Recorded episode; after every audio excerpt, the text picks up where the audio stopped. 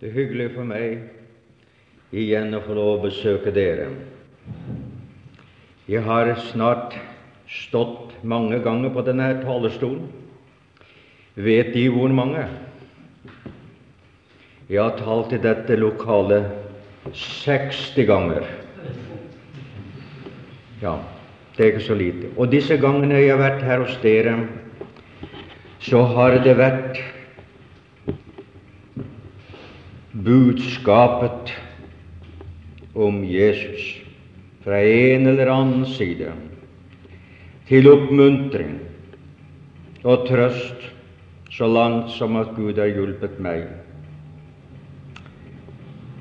Kristus for oss, Kristus i oss, Kristus gjennom oss og Kristus kommer.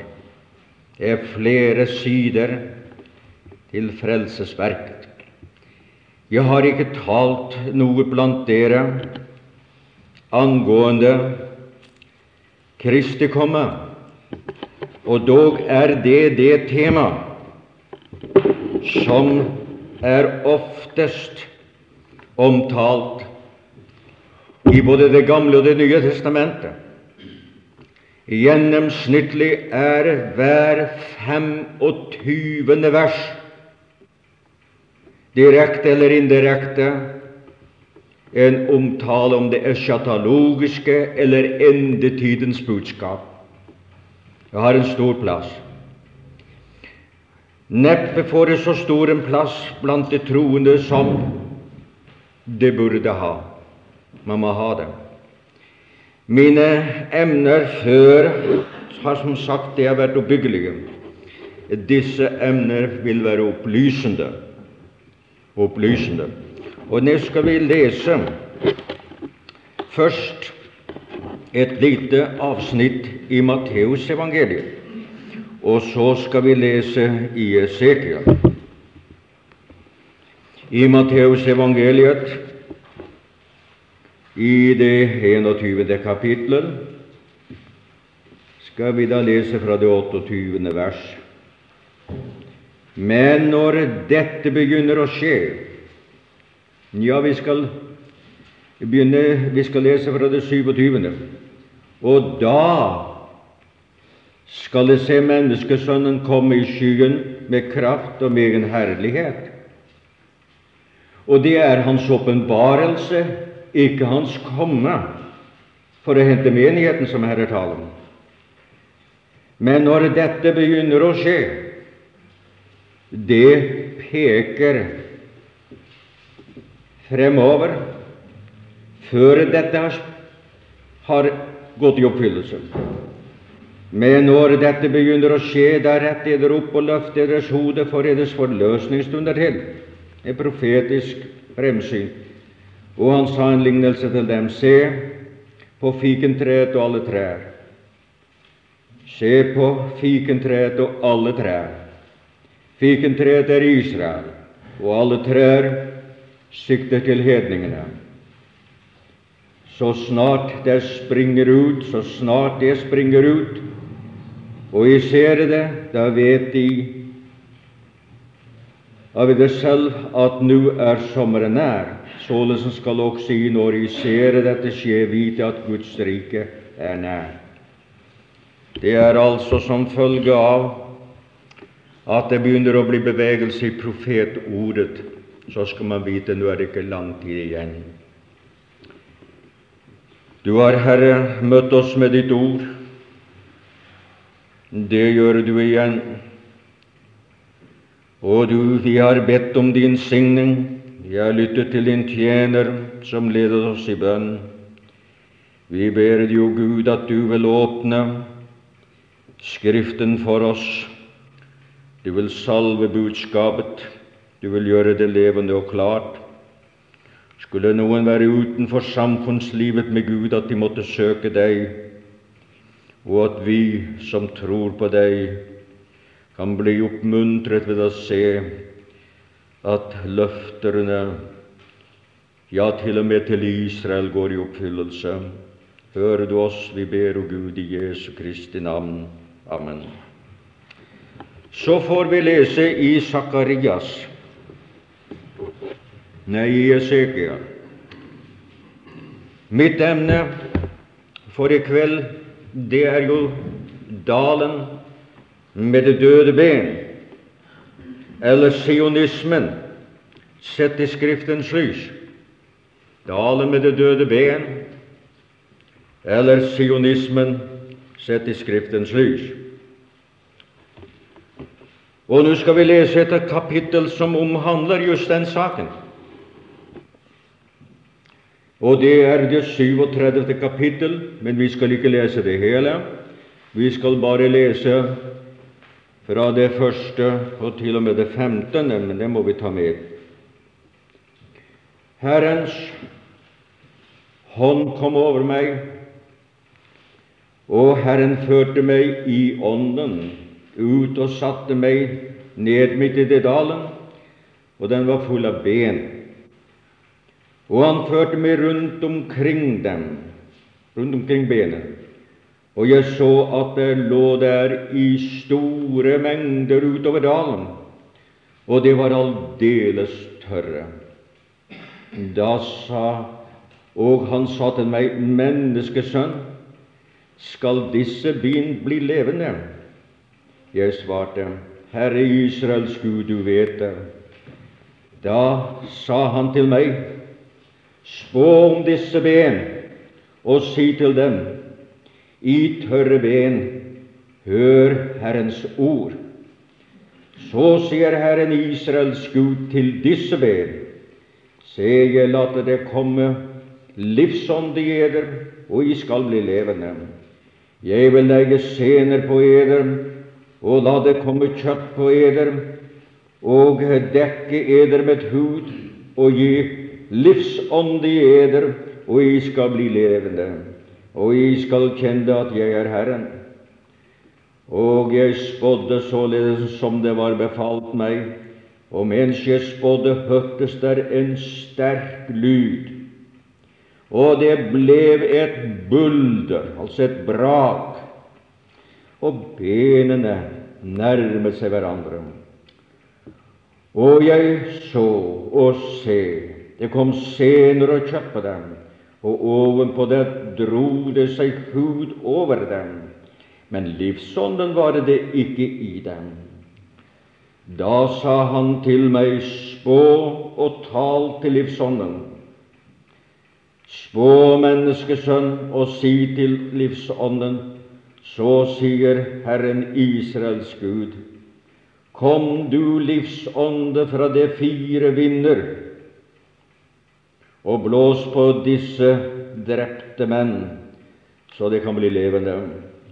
Og jeg spådde således som han hadde befalt meg, og livsånden kom i dem, og de ble levende og stod opp på sine føtter, en meget stor hær.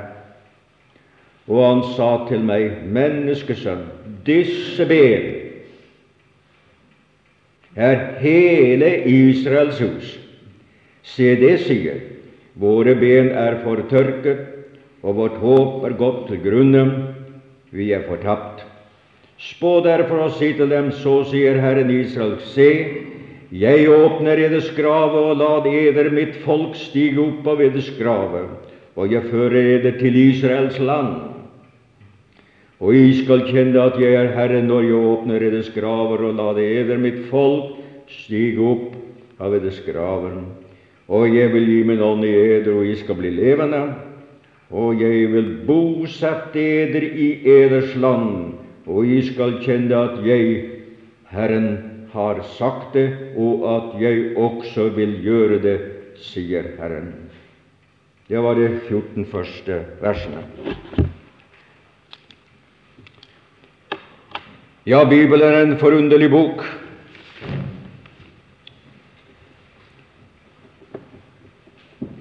Og vil man ha rede på hvor langt på natt skal man holde øye med Israel?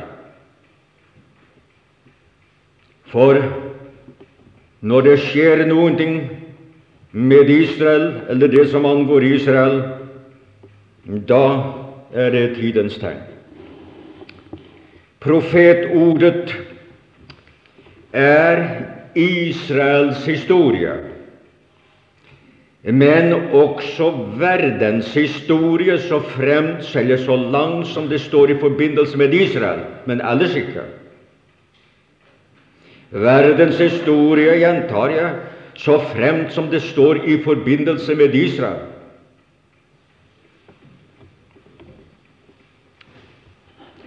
Det er gitt oss på forskudd, for profetordet er verdens historie, eller Israels historie, rettere sagt. Gitt på forskudd 2000, så langt som 2500 år før det gikk i oppfyllelse, eller begynte å gå i oppfyllelse. Det er guddommelig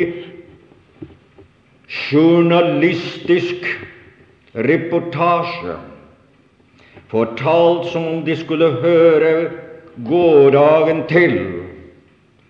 En skjønt det lå 2500 år frem i tiden. Ingen andre enn Gud kan forutsi så nøyaktige ting som har skjedd. Vi lever i endens tid, det kan ikke være spørsmål om annet. Det vil si tidshusholdningens avslutning.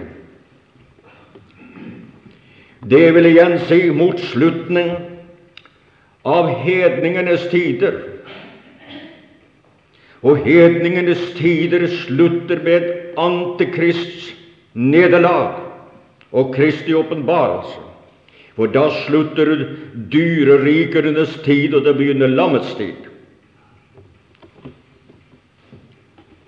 Men det er også føren at hedningenes tid avsluttes, sluttes menighetens tid. Den siste dagen for menigheten. Det er minst syv år før den siste dagen, eller den siste dag for jødene og for folkeslagene.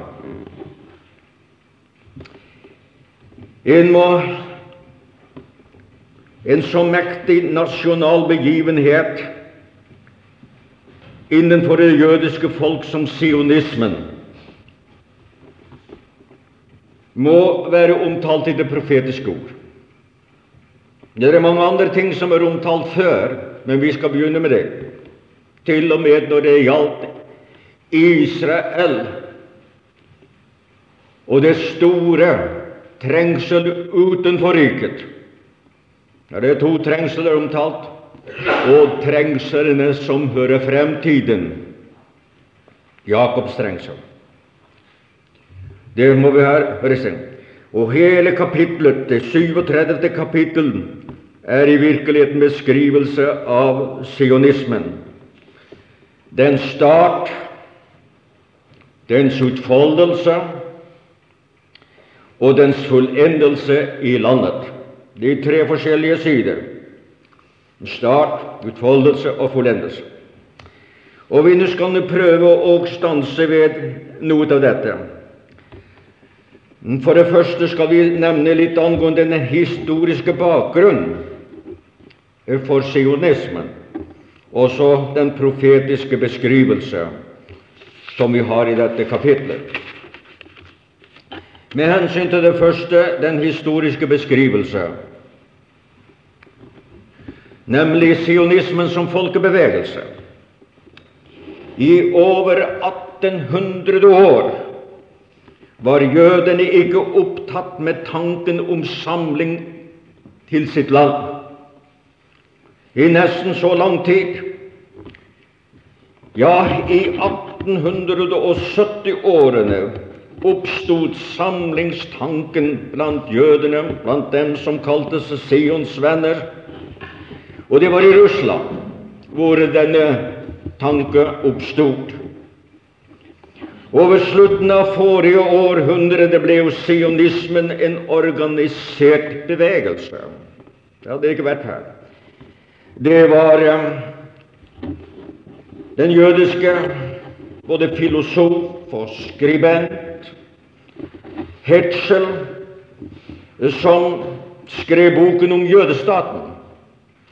Og han ivret for at det jødiske folk måtte samles. Men han hadde ikke klart syn hvor. Han tenkte at nasjonene ville kunne bli enige om å gi Israel, eller gi jødene et, et sted hvor de kunne dra til, f.eks. i Uganda, i Afrika, eller muligens et eller annet sted i Syd-Amerika.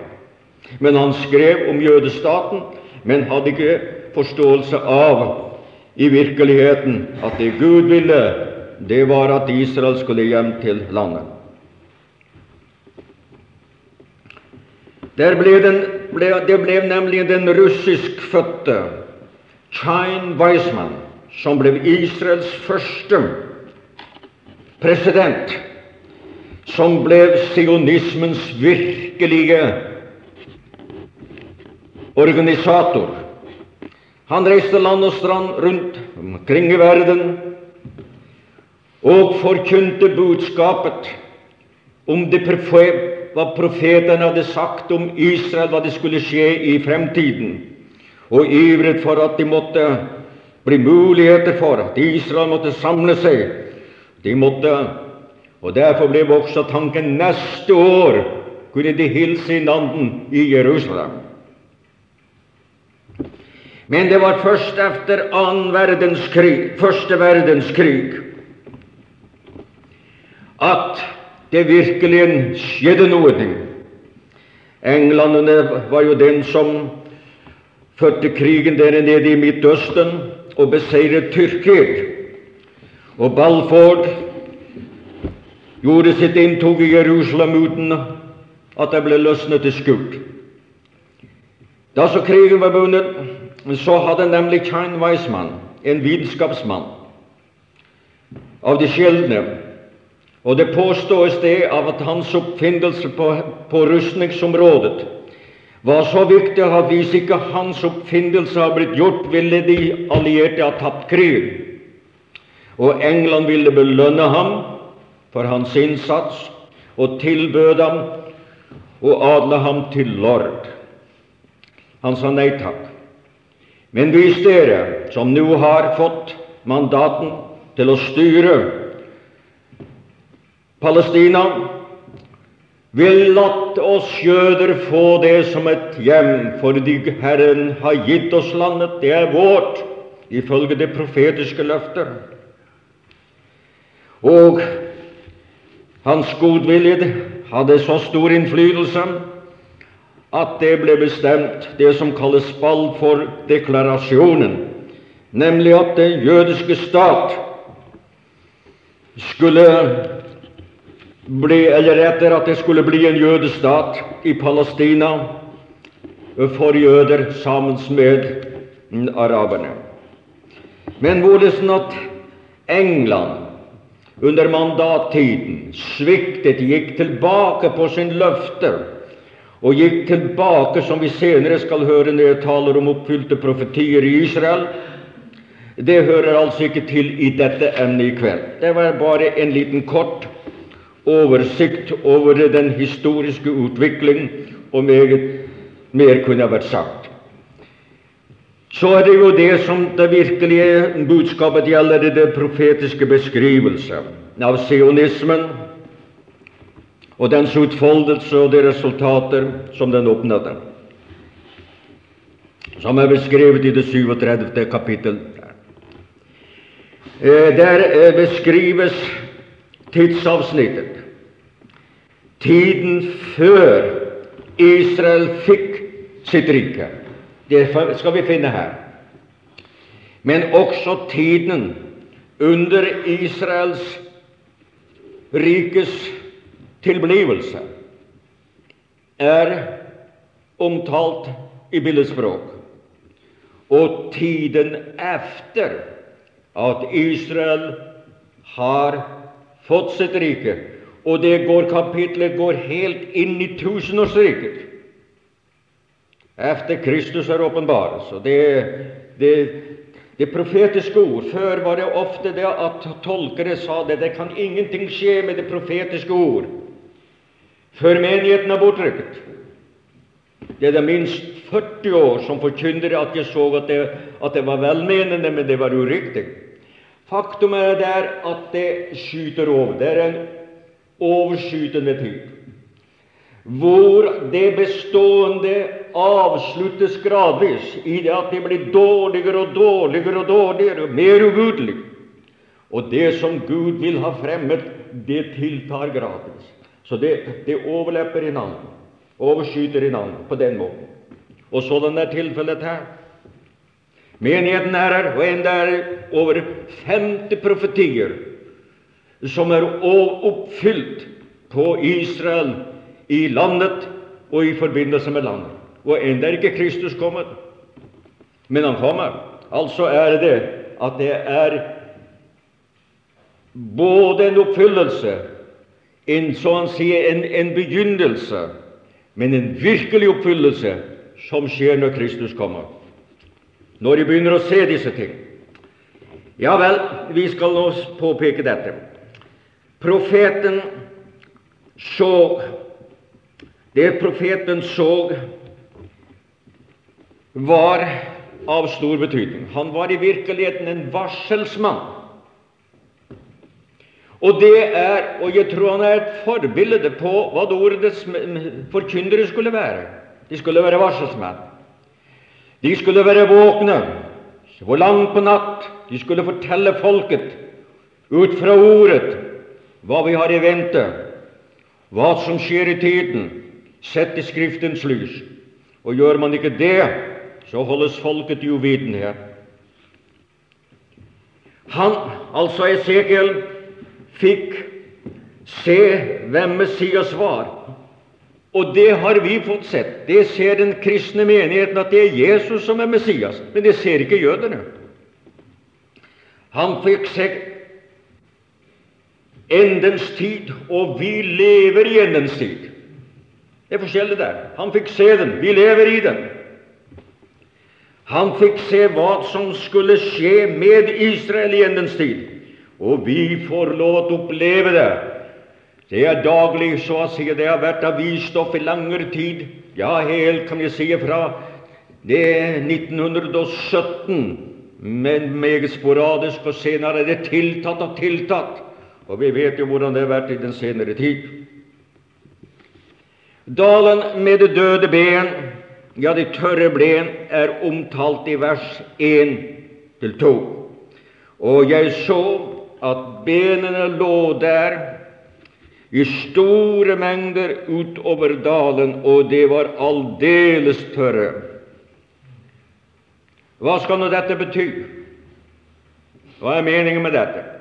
Synet? Jo, dypt nedsunket i det laveste områder i verden, i gettoene og slumkvarterene, der har jødene vært utdypet blant folkene, begravet, så å si, i nesten 1800 år. Skjedde det en ulykke, så var det jødernes skyld. Ble det uår, var det jødernes skyld. Ble det krig, så var det jødernes skyld. Alt ble de beskyldt for, alt ble tilregnet dem, og så forfulgt derefter fullstendig i dypet, med nesten ikke noen menneskelig verdighet, sådan hadde vært i mange hundre år før vår tid. Det var åndelig døde, atskilt fra Gud, for død betyr atskillelse, atskilt fra hverandre for de var jo ikke i landet. Atskilt fra løfternes oppfyllelse for velsignelse til Israels folk skjer når de er i landet, på løfternes grunn, og atskilt fra sitt land. Sådan var det det var som døde. Ja, alt var gått tapt slik som man kan si er tilfellet med de tørre ben. Når et lik ikke har annet enn bare de tørre ben, da er alt sammen tapt. Jødene hadde tapt sin frihet i 1800 år, hadde de tapt sin frihet. Tapt sine rettigheter, som var gitt dem i løfternes land, som var gitt dem, som skulle skje. Det vil si at de levde ikke i dem. De kunne leve i forventningen. Det var en ansikt, men det var ikke sant for dem. Tapt og håpløs og tørt. Vårt håp er gått til grunne. Det har gått ned i dypet, gått til grunne står det i vers 11 om disse ben. Denne håpløsheten blant benene er beskrevet i disse, eller blant jødene er beskrevet i det ellevte verset. Disse ben er hele Israels hus. Se, det sier våre ben er fortørket, og vårt håp er gått til grunne, vi er fortapte. I parentes bemerket må jeg si det at det profetiske ord har somme tider en trefoldig oppfyllelse. Det sier Sauer, og jeg tror han har rett i det. Først en lokal. Dernest en messiansk, eller rettere sagt en oppfyllelse som ofte står i forbindelse med Kristi første komme. Og så en endetids oppfyllelse, enten det står i forbindelse med landet, eller står i forbindelse med folket, eller står i forbindelse med Messias kommer. Sånn at her er det det profetiske i fremtiden, for så meget av det som er sagt, har aldri skjedd før. Ja, i sannhet sådan var det med det jødiske folk. Disse ben er hele Israels hud, Vi er aldri sørg. Ja, uten påskeland. Vårt håp det er dødt. Det er helt gått til grunne. Uten påskelam Før i tiden, når Israel feilet det jødiske folk feiret påske, så hadde de et avgnavet fåreben. Var intet mer til å symbolisere. Uten forsoningsblod, om enn det holdt Jom Kippur, den store forsoningsdagen, slik som nå krigen brøt ut på den store forsoningsdagen, men uten forsoning, uten blod. For isjødene har ikke lov til å ofre blod uten som at de hadde en helligdom, og det har de ikke. Og uten land i 1800 år men nå har de sitt eget land. Uten øvrighet var de i 1800 år, nå har de sin øvrighet, Kneset. Uten tempel.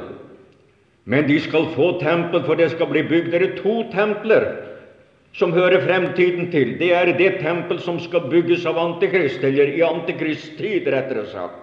Som han skal settes inn, og som kommer til å bli ødelagt. Og så det som skal bygges i tusenårsriket beskrevet i de siste kapitlene i Esekiels bok. Uten ypperste prest hadde vært hele den tiden fra året 70, og de har den ikke i dag. De har overrabbin, men de har ikke ypperste prest, men de skal få ypperste prest. Budskapet til det tørre ben er omtalt i versen 4 og også 5 og 6. Spå om disse ben og si til dem, i tørre ben, hør Herrens ord. Sionismens budskap var et budskap fra Bibelen. Hør Herrens ord. Det var Kjein Weismann, og det var det de andre som reiste blant Israel. Hør Herrens ord. Løfterne. Ikke at de trodde løfterne til frelse, men trodde troen på løfterne når det gjaldt landet. Og det har de også på løfterne. Og de trodde på det. Det var Weismannsbudet. Og det er en kjensgjerning at det er ikke noe folk på jorden som leser så meget Guds ord som jøder i dag. De benytter i sin militærtjeneste, de benytter seg i sin jordbruk, de benytter Guds ord når det gjelder oppbygning. Ja, på alle områder benytter de ordet. Det er det folk som kjenner Guds Det gamle testamentet mer enn noen andre. Når de såkalte kristne nasjoner vender seg bort fra Guds ord, så vender Israel seg til Guds ord. Når de andre som så til på universiteter og læreanstalter sier at det er ingenting av det du kan stole på Det gamle testamentet, så er det en kilde til visdom og til trøst for det gamle pakts folk i dag, og for den som gjør meget av ordet er i den fremtid, en skyld ikke er frelst, men de skal bli det. Det skal bli en levning frelst. Sådan er forholdene. Nesten alt det foretar seg, er grunnet på hva det står i Det gamle testamentet. Det nasjonale budskap til jødene i verden er nevnt i det syvende vers A. Mens jeg spådde, hørtes der en sterk lyd. Hva er det sikter det til? Sions stemme. Sions budskap til sitt folk og rundt omkring i verden. Sions budskap var et mektig budskap. Mens jeg spådde, hørtes der en sterk lyd.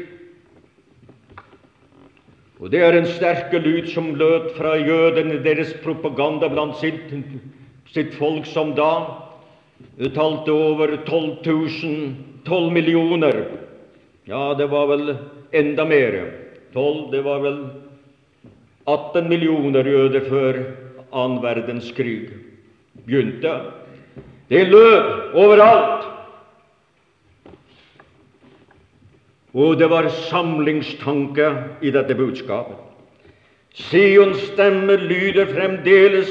Hvilken nasjon er i verden i dag som begynner dagen med å lese i fjernsynet og i radio et kapittel av Bibelen. Men det gjør jødene. Guds ord går ut fra Jerusalem. Altså, de tror på ordet, enda har ikke trodd på ordets opphavsmann Jesus. Men det kommer en dag. Sions stemme lyder på denne måten. Verdenskrigen som bidrog til at Israel, eller jødene, samlet, kom til å samle seg, det er også omtalt i det syvende vers. Mens jeg spådde, hørtes der en sterk lyd, og det ble et bulder, oversatt brak, drønn, om du vil. Bulder, brak, drønn. Hva tror du dette her er? Sions stemme lød før annen verdenskrig. Men når annen verdenskrig brøt ut, da var det ingen som hørte drønnet og buldret og braket som jødene i gettoene og konsentrasjonsleirene. De hørte drønnene og brakene som ingen andre. De gikk utover dem. Her siktes det til verdenskrig nummer to. Som da, men det, den verdenskrig ble så at sive det skubb som jødene fikk til å komme hjem, og Herren var bak ved dette. Det jeg, skal jeg si noe en annen gang om. Og jeg hørtes der en sterk lyd, og det ble et bulder. Det er verdenskrigen. Ja, Har noen folk merket krigens uhygge verre enn jødene når seks millioner av et lite folk omkommer og blir likvidert? Den nasjonale hjemkomst av jødene som folk er omtalt i det samme verset, det syvende vers C, og det ble et bulder, og benene nærmet seg til hverandre.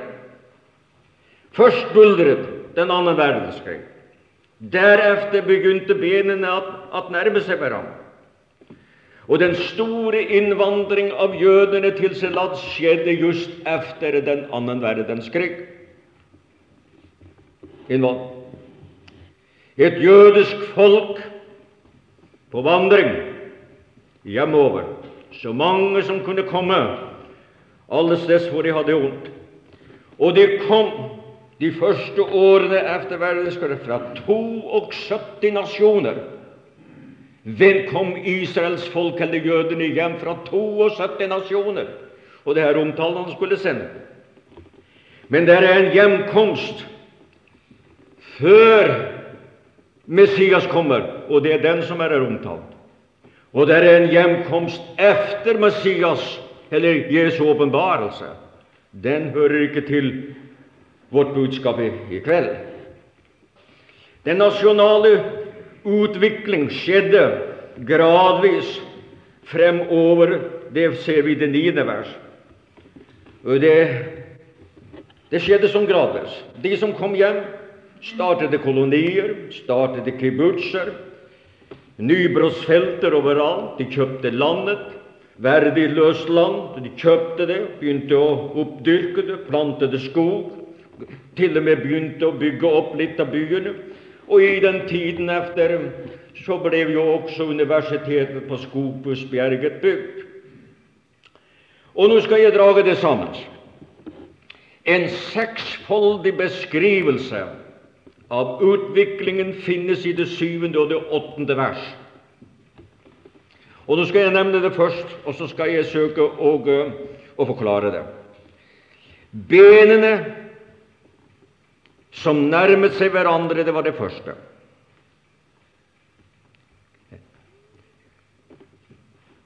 Senere som forbandt benene med hverandre, det var det av kjød og muskler som ga huden, som ga benene styrke og fylde og form. Det var det neste. Og så kom det da hud som uh, dekket over disse døde likene. Og så kom livsånden, hvor de alle sammen Ja, hva skal nå alt dette bety? Jeg skal prøve å se det i det lys som det har skjedd med disse for det her er ved hjemkomsten at dette skjedde. Den nasjonale sionisme det er den, sam, er den som har vært det samlende budskap for hjemsendelse av jødene, og er det den dag i dag. Den ideologiske og sosialistiske Hagana, eller Arbeiderpartiet, ble scenene som bandt dette unge folk sammen med hverandre i sin organisasjon. Og hva er annet enn muskler festet til benet, en guddommelig organisasjon? Den militaristiske undergrunnsbevegelse, Irgun Sveileumi, som det ble skrevet så meget, det, eller også, også omtalt som ste, og stengruppen. Det ble det brutale kjøtt. Og kjøttet står gjerne for det som er brutalt. Som er kjødet, kan ikke tekkes skjult. Det der har vi forskjellige sider av det. Og, disse, og disse undergrunnsbevegelser, Jørgen Sveileume og Stengruppen, det var kommunister. Og det var kampgrupper. Og de brukte alle mulige midler til å gjøre det så vanskelig for araberne og engelskmennene som det overhodet kunne gå an. De gjorde det ett for dem. De fikk en militaristisk makt i Palestina som verken araberne eller England greide å, å gjøre noe med. Ja, fakt, de tapte terreng hele tiden universitetsrørselen og alle disse lærde menn som kom hjem fra utlendigheten, fra de forskjellige land, danner så å si den smykkende hud og det skjønne ytre som må til for at den kan være et folk med en nasjonal preg og med en nasjonal oppgave. Det er ikke slummen som skaper det, men kulturen, dannelsen. Og det er ingen folk i verden som har så mange vitenskapsmenn i forhold til sin størrelse, og så mange lærde som Israel har. De har gjort seg bemerket på alle områder. Det er det mest fornemste folk på det området som finnes i verden i dag. Profeten så at disse døde kropper at de ble levende. Kom, du livsånde fra det fire vinduet, og blås på disse drepte menn, så det kan bli levende. De fire livsånde, det er universalt. Guds ånds innvirkning på å få jødene hjemover. For tro ikke at det er bare deres egne vilje. Det er Gud som står bak ved det. Jeg er helt sikker på det. Han har en plan med dem. Kom, du livsånde. Det fire vinduer blås på disse drepte menn så det ble levende. Det var Guds ånd. Og det var et guddommelig mirakel at etter 1800 år skulle et adspredt folk, så forskjellig, under forskjellige kult, levde under forskjellige kulturer og forskjellige forutsetninger, samles og forenes der nede i landet, ville aldri gått noen andre steds i verden. Israel er blitt nasjonalt levende, men de er åndelig død. De skulle blåse to ganger. Ånden skulle blåse. Det ene er forsamling. Og jeg synes det er så typisk. Nå har jeg ikke så meget igjen, vi må ha det med her. Jeg synes det er så typisk med denne dyktige mannen, Mose Dayan, som jeg har hatt vært ute for et uhell, så han har tapt det ene øyet. Hvor du ser ham, så ser du ham med den sorte lappen for øyet. Han ser med dette øyet, og det annet er svart. Det er så typisk for Israel, for det jødiske folk i dag. De ser klart løftene angående landet, og de venter Messias, men ikke Jesus. Men de er blind når det gjelder frelsen i Kristus som folk.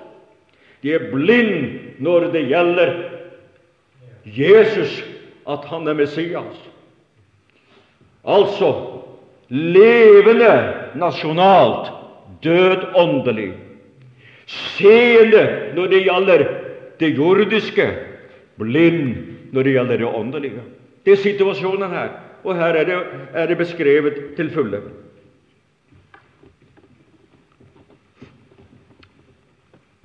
Vi har levende, og de reiste seg på sine ben og stod, et folk. Og det skjedde øyeblikkelig. Og sådan var det det Israel. Den ene dag var det ikke et Israels land, Eriks Israel. Dagen efter var det. Dagen før var det ikke en nasjon som man kunne kalle Israels nasjon. Israels folk, det var det jo, for det var Abrahams, det var Jakobs avkom. Se her, og de står. Og i 25 år har Israel stått som nasjon, og deres flagg har stått sammen med verdens nasjoner, med Davidsstjernen. De har stått der. Men så står det en meget stor hær, meget, meget gjentatt. Ja, hvilket land er det som har hatt hele sitt folk mobilisert? Kvinner og menn, unge og gamle, så langt som det gjør. Ja, nesten til og med barna, så langt som de kan. Uten Israel. I 25 år har de så å si, så å si vært stående militært utrustet, beredt til å forsvare sitt liv for dem som vil utrydde dem. Sånn er det. Og når det er gjentatt to ganger en meget, meget stor hær, så tror jeg jeg legger vekt på dette deres slagkraft. Og det har aldri vært en nasjon med, med så lite folk, med en sånn stor slagkraft, som har vunnet så mange seire. Ja, til og med over over hundre millioner som har vært fiendtlig stemt overfor dem, og så å si har forsøkt det. Sånn er situasjonen.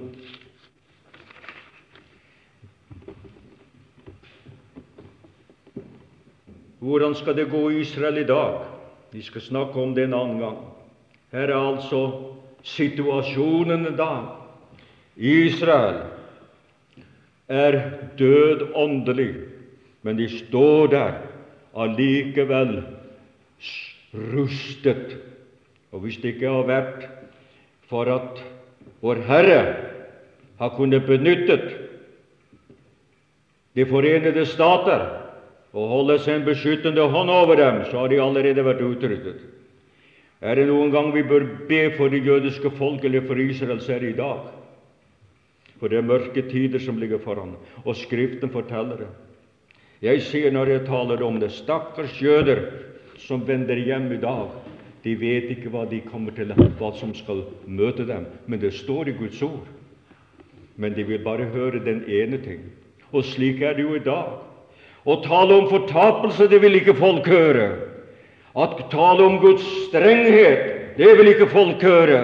Men jeg vil gjerne høre om at Gud er en kjærlighet, en gammel bestefar som ser over med alt, og så kan du leve i synden og være akkurat som du vil. De vil høre bare noe av Guds ord som kan så å si passe dem istedenfor passe Guds vilje. Er det noen her i dag som ikke er frelst, så skal du søke ham mens han finnes, og kall på ham. Han elsker deg med smerte. Han elsker sitt folk med glede. Skal du si ja til ham? Det var en liten lang preken, men eh, jeg syntes jeg må ha den. Før jeg går ned av prekestolen, så skal jeg bekjentgjøre. Skulle være mer, skulle vært bedre bekjent, så at folk vet om det. Altså, nå i kveld har jeg hatt emnet 'Dalen med det døde ben' og sionismen. I morgen aften, altså onsdag, er emnet profetier om Israel oppfylt i vår tid. Jeg skal ikke tale om over alle de 50, men jeg skal nevne noen. Du skal få høre noen av de profetier som er oppfylt. Men det er meget. Det er visshet over 50. Jeg tror det er nærmere 75 som delvis, men ikke helt er oppfylt. Så det var altså onsdag profetier om Israel oppfylt i vår tid. Så på torsdag blir emnet araberne og Israel i endens tid. Jeg skal ha tre avsnitt der. Hvem er arabere? Og hvorfor er de så hatske og hatefulle med Israel? Og hva sier Skriften? Hva sier, hvordan skal det gå dem ifølge Skriften? altså disse sider. Nå skal vi ikke bekjentgjøre mer enn disse to emnene nå, så skal vi ta frem de neste senere her. Du, vår Gud, formidles Jesus Kristus, vår Herre. Vi priser deg for at de hellige Guds menn talte drevet av Den hellige ånd. De talte slik som du hadde sagt. Det var dine ord. Takk for at dine ord er sannhetsord. Dine ord er løfterike ord. Dine ord er også alvorsfulle ord. Takk for at vi får leve i en tid hvor vi får se til begynnelsen, og det begynner å skje enkelte ting. Begynner å skje blant Israel, blant nasjonene. Vi begynner å se hvordan det også glider ut innenfor menigheten og det store frafall er så å si i gang, ikke bort fra Kristus, men bort fra kristendommen. Ja, kan hende også fra Kristus, men dem som er i Kristus, det er jo dine. så vil du velsigne oss alle. Å, om det skulle være en sjel utenfor ditt samfunn, om det ville bekjenne sin besøkelsestid og søke deg mens du er å finne, og kalle på deg den stund du er nær. Hører du oss? Vi ber, o Gud, i Jesu Kristi navn. Amen.